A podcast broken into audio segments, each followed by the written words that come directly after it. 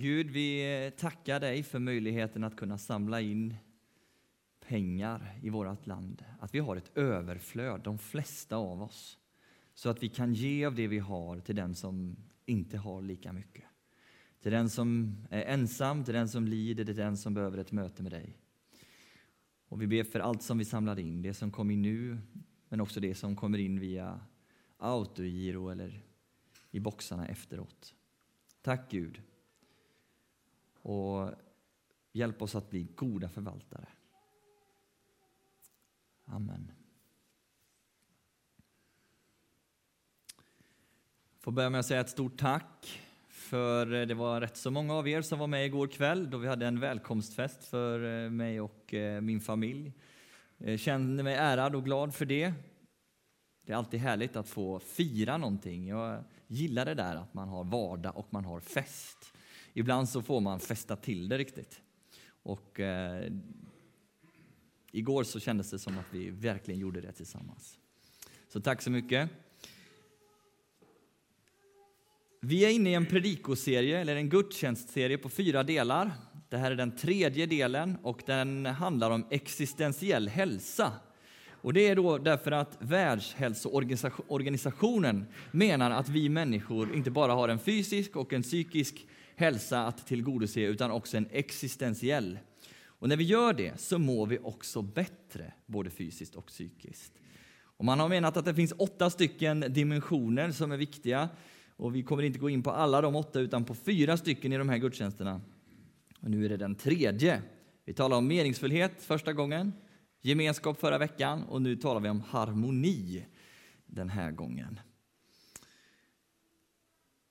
För ett tag sedan så hörde jag en, eh, ett radioinslag på P1. Kanske det är någon mer som lyssnar på P1 ibland. Den här gången handlade det om hur eh, jul och nyår hade sett ut, jullovet, för många barn och unga i vårt land. Och det var BRIS som kunde konstatera att man hade fått betydligt fler samtal i år från barn och unga som inte mår bra mot hur man hade haft det tidigare jullov tillbaka i tiden. Och reporten ställde då en fråga till någon slags verksamhetschef på BRIS. Vad beror det här på? Vad är anledningen till att så många har ringt just i år till er? Och det blev tyst i en eller två eller tre sekunder, i alla fall så att det märktes i radion. Och så svarar den här personen sen. Ja, men vi befinner oss i ett världsläge eller i en tid där den ena krisen avlöser den andra. Och så börjar jag tänka, men han har nog ganska rätt. Tänker vi några år tillbaka i tiden så kom det en stor flyktingvåg hit till vårt land. Som också fick den följd efteråt att eh, vi fick en hel del migrationsproblematik och ett otrevligt främlingsfientligt samtal i vårt land. Sen eh, parallellt med detta har det funnits många alarm eller larm från till exempel FNs klimatpanel om hur det ligger till i, våra, i vår värld vad gäller miljö och klimatfrågan. Ganska kort efter att flyktingströmmen kom så kom också pandemin som satte klorna i en hel värld. Så att allting stannade av och allting handlade om vaccin och hur vi skulle kunna isolera oss från varandra så att ingen skulle bli sjuk och, och dö. Och när vi nästan hade hämtat oss ifrån den så börjar rysk militär att bomba ukrainska städer. Och allt detta får unga människor som inte levt så många liksom, dagar eller år än vara med om på väldigt kort tid under sina viktiga tonårsår. Det är klart att det blir en oro. Det är klart att man funderar över vad tar väg, världen vägen? Vart är vi på väg någonstans? Har vi avskaffat hoppet helt och hållet? Och det sätter också ganska många egna personliga tankar om mitt eget liv i rörelse. Vad är Gud när världen lider? är underrubriken för den här predikan. Vad är Gud när världen lider? En av de absolut största teologiska frågor som människan har ställt sig under de 2000 år som kristenheten har funnits. Den här frågan har behandlats av de flesta teologer. Och den har fått ett eget namn till och med och vi brukar kalla den för teodicéproblemet. Hur man formulerar teodicéproblemet kan låta lite olika, men hur får man ihop en god Gud med den ondska vi ser i världen? är väl lite grann det som teodicéproblemet handlar om. Och tänkare som Augustinus på 300-talet tar upp det, Thomas av Aquino på 1200-talet, Ireneus, en stor tänkare inom den kristna tron, och C.S. Lewis, för inte så värst länge sedan, har också skrivit en bok som blivit väldigt läst på den här tematiken. Och först ut är väl egentligen Bibeln själv, med Jobb. Om ni har läst hans bok i Bibeln så handlar den precis om det här. Jobb får inte ihop den tro och syn han haft på en god Gud när hans liv plötsligt slås i spillror. Och det går spikrakt neråt. Han förlorar allt han har. Först boskap. Sen förlorar han sin hälsa och till slut förlorar han till och med sin familj. Ändå slutar han inte att tro på sin Gud. Till slut kommer hans vänner på besök och de sitter med honom i sju dagar liksom, och lider med honom för han har det så tufft. Till slut, efter de där sju dagarna, så utbrister Jobb i de här orden. Han börjar klaga på Gud, för han förstår inte hur det hänger ihop. Det står, jag kommer upp på väggen också.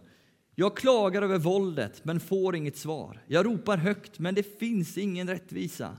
Min väg har han spärrat. Jag kommer inte fram. Min stig har han lagt i mörker. Han har klätt av mig min värdighet, berövat mig min ärke, ärekrans.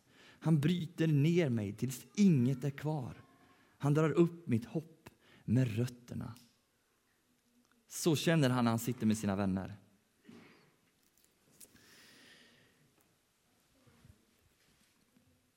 I dagens text som ni hörde Elin läsa så befinner sig lärjungarna ungefär här. De är lämnade utan sin mästare, mitt ute på sjön och kämpar. De sliter emot vågorna. Och det står att de, eh, de är mitt i natten, de är långt ifrån land och de är utmattade när de kämpar emot de kraftiga, i kraftig motvind. De är dessutom fruktansvärt rädda, står det i texten. Problemet med den här texten det är att vi har hört den så många gånger att vi, inte, att vi placerar den lite automatiskt i det här superhjältefacket. Alltså, lärjungarna de är bortom all räddning och Jesus han kommer som en superhjälte till dem, räddar dem ifrån all fara och, och sätter dem säkert i land. Ungefär som vilken superhjälte som helst. Som eh, pyjamashjältarna kanske ni tänker på, ni som är små.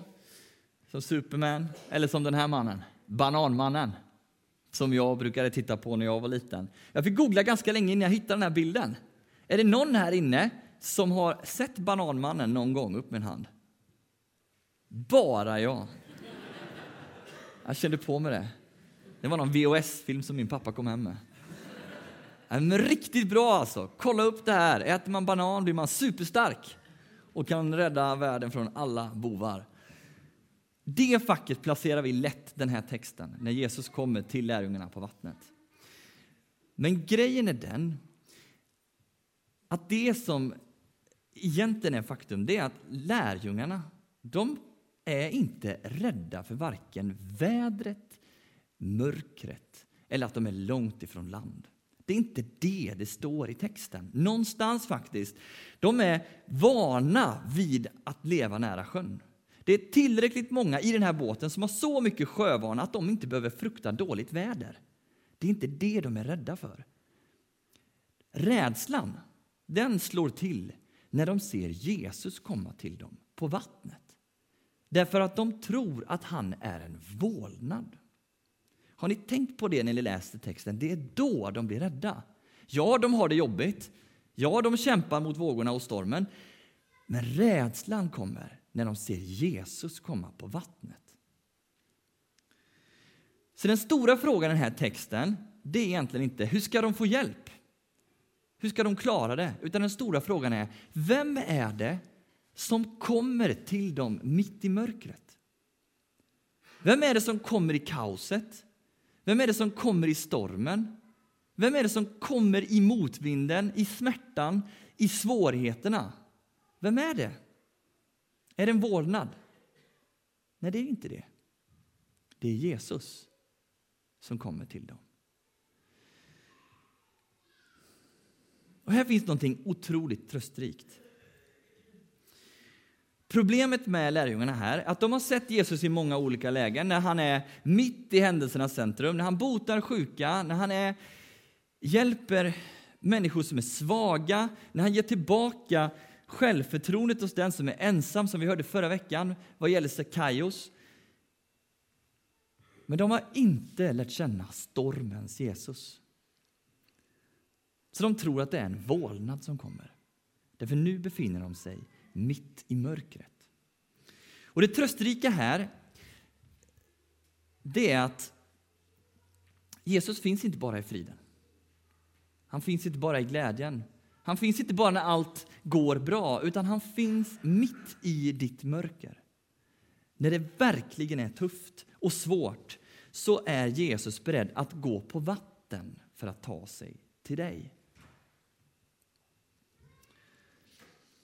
Det finns också någonting mer här som är otroligt stort. Och det är att lärjungarna lär sig någonting nytt om Jesus.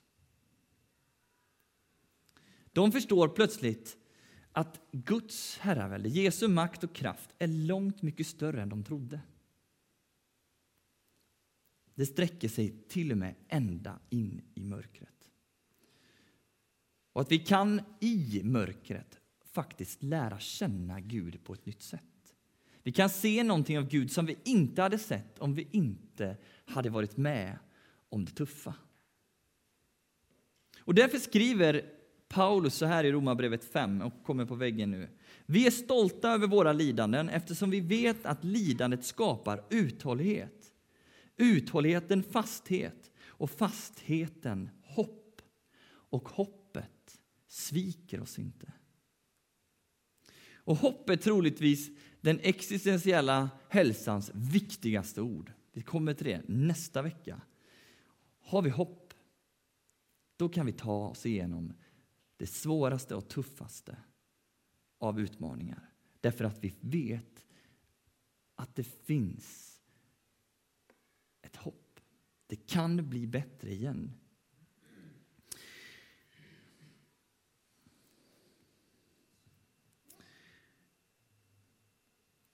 Jag tänker så här, nu kanske det låter som att, okej, okay, det jobbiga i mitt liv, allt det som jag har varit med om av bördor och svårigheter, det är någonting bra, därför att det gör att jag lär känna Gud som större och mäktigare och att han kan kliva in och visa sig i mitt mörker. Okej, okay, så det är någonting bra alltså att världen lider? Nej, det tror jag inte. För att ta en bild som jag tänker att vi förstår i dessa bygder, vi som bor på landet, så är koskit alltid koskit. Eller hur? Man kan inte säga att det är någonting annat. Skit är skit, det är inget bra. Det lärjungarna är med om, det är kamp, storm och svårigheter. Det är någonting som såklart inte är vackert. Och ingen ska säga det heller.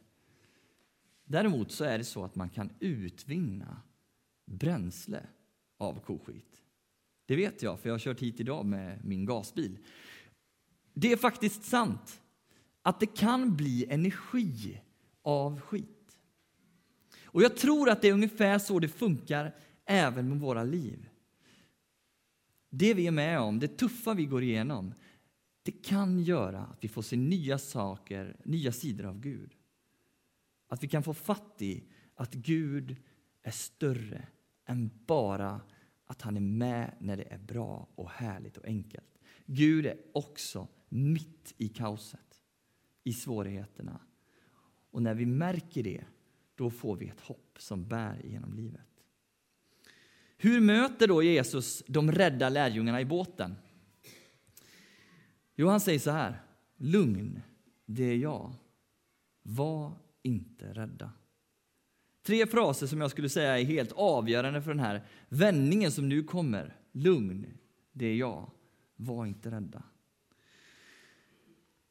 För det första tänker jag att det här lugn, det är någonting som jag ibland säger till mina barn där hemma.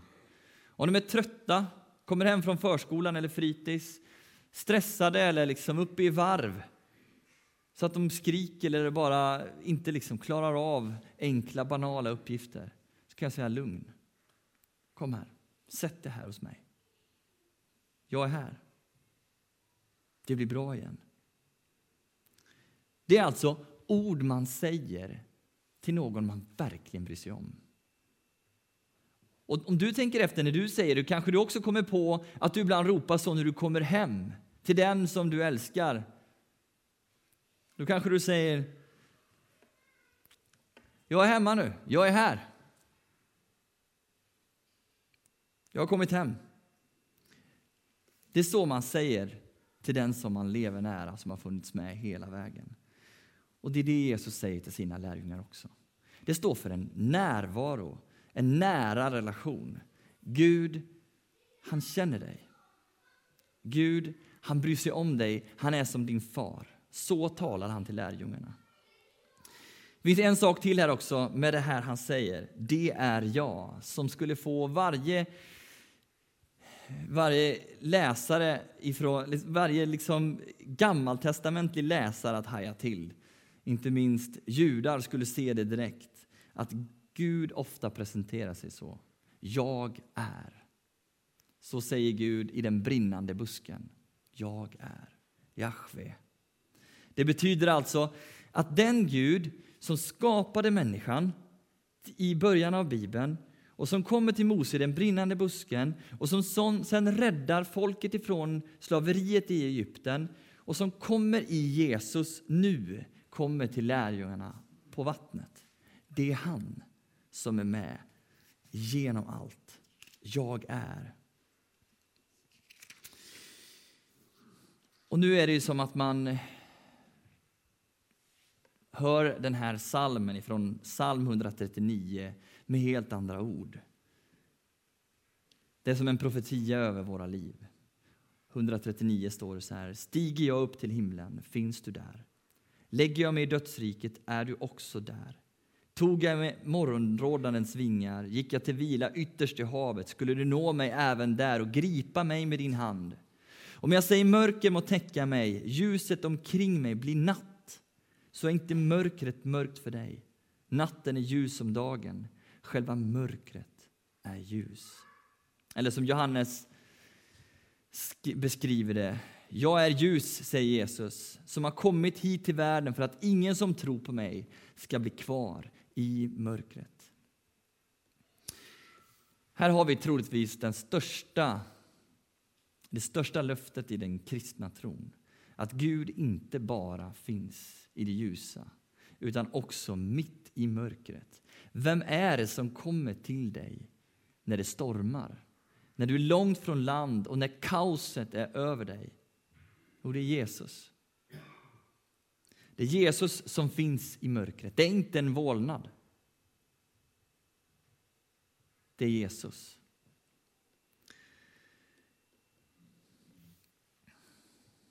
Och sen händer någonting spännande. Och det är att Petrus plötsligt får nytt mod. Från ingenstans så växlar han diabild och han kliver, han säger till Jesus, om det är du, så be mig få komma ut till dig på vattnet. Och här är något viktigt. I den här upplevelsen, när vi märker att Gud är med oss i mörkret, så kan vi få tillbaka förlorat livsmod. Så att vi vågar kliva ut på vattnet till Jesus. Och det är det Jesus, som Petrus gör. Han går ut till Jesus på vattnet. Och Vad som är viktigt att säga här är att det här är inget vansinneskliv. Det är inget man gör liksom i dårskap, utan han gör det efter att Jesus sagt kom. Kom till mig. Och Det här blir en bild av våra liv. För Petrus vinner en tillit här så att han vill leva sitt liv nära Jesus. Det är därför han går ut till honom. Och båten, vad står den för? Och det är klart att den för en fiskare står för all trygghet, all kontroll. Den står för att någonstans känna att man äger liksom kontrollen för sitt eget liv. Men det är ju så att allt detta vet vi ju en dag kommer tas ifrån oss. Det är bra saker som vi kan hålla fast i, men som på ett ögonblick kan försvinna. Och utifrån det perspektivet så är det ju säkrare att stå nära Jesus mitt ute på vattnet än att klamra sig fast i en båt som en dag ändå kommer sjunka. Och Det är det Petrus förstår. Det blir en tillitsfråga. Vad sätter jag min djupaste tillit? Till båten, till det jordiska, till det jag äger eller till Jesus? Och Petrus, han går ut till Jesus för han konstaterar att här är jag tryggare. Och när han väl börjar sjunka, då kan Jesus rycka tag i honom och dra honom upp igen. Här finns en utmaning till oss. Var sätter vi våran tillit när det stormar och är kaos? Jesus menar, sätt din lit till mig. Varför? Jo, därför han säger, jag är med dig. Jag är med dig. De där orden har blivit viktiga för mig den senaste tiden därför de har dykt upp på så många olika ställen och sammanhang. Jag talade med en kvinna efter en gudstjänst för några månader sedan. Hon berättade att hon hade fått ett cancerbesked. Alltså ett riktigt mörker. Det där ordet cancer, det får ju de flesta att börja rysa. Hon visste inte hur det skulle gå för henne. Hon levde i total ovisshet och läkarna kunde ju inte säga någonting på ganska lång tid. Och en natt när hon var mitt i den där ovissheten så vaknade hon upp och hörde de där orden, precis de här orden. Jag är med dig. Var inte rädd. Precis som Jesus säger lugn, det är jag. Var inte rädd. Jag är med dig. Och Det är ord som vi också kan få ha med oss när det blir tufft att leva. Ibland är inte harmonin där. Men det finns ett hopp som vi kan växla in det i. Det finns ett hopp där vi kan leva våra liv på. Och det hoppet är förankrat i Jesus själv. Därför när mörkret kommer så finns Jesus där. Och det är det som också kung David landar i i sina välkända ord. Inte ens i den mörkaste dal fruktar jag något ont. Ty du är med mig. Och, så, och för att svara då på, ja, på Jobs ut, liksom, tryck. Vad är Gud när världen lider? Så får vi helt enkelt säga, han är mitt i lidandet. Han är med den som lider. Han kommer till och med på vattnet för din skull. Så när det är mörkt och när det är svårt och tufft, så vet om det. Att i det finns också en möjlighet. Där kan du få syn på Jesus själv och upptäcka att hans herravälde, hans makt är så mycket större än att han bara har att göra med glada, sköna, lätta dagar. Han kommer till dig i stormen och han har lovat att vara med dig alla dagar till tidens slut. Vi läser från Jesaja 40 som avslutning. Jakob, hur kan du tala så? Israel, hur kan du säga jag vandrar osedd av Herren, min Gud, tar inte sig an min sak. Har du inte förstått, inte hört? Herren är en evig Gud. Han har skapat hela jorden. Han ger den trötte kraft, den svage får ny styrka. Unga män kan bli trötta och mattas, ynglingar snava och falla. Men den som litar till Herren får ny kraft. Jesus Kristus, Tack att vi får samtala en liten stund om de här stora, svåra frågorna. Och att vi kan se hur du mitt i vår svåra situation kommer extra nära oss. Och att vi i den situationen kan få se nya sidor av vem du är, precis som lärjungarna gjorde i båten. Du står över också kaosmakterna, smärta, lidande. Och du vill hjälpa oss att se att trots att det är tufft att leva så kan det fördjupa vår tillit till dig. Vår förundran, förundran över hur stor och mäktig du är och vår glädje över att du kan gripa in som en hjälpande hand mitt i vårt mörker. Låt oss få uppleva det, Gud. Det är hoppet och det är lugnet det innebär att leva nära dig. Amen.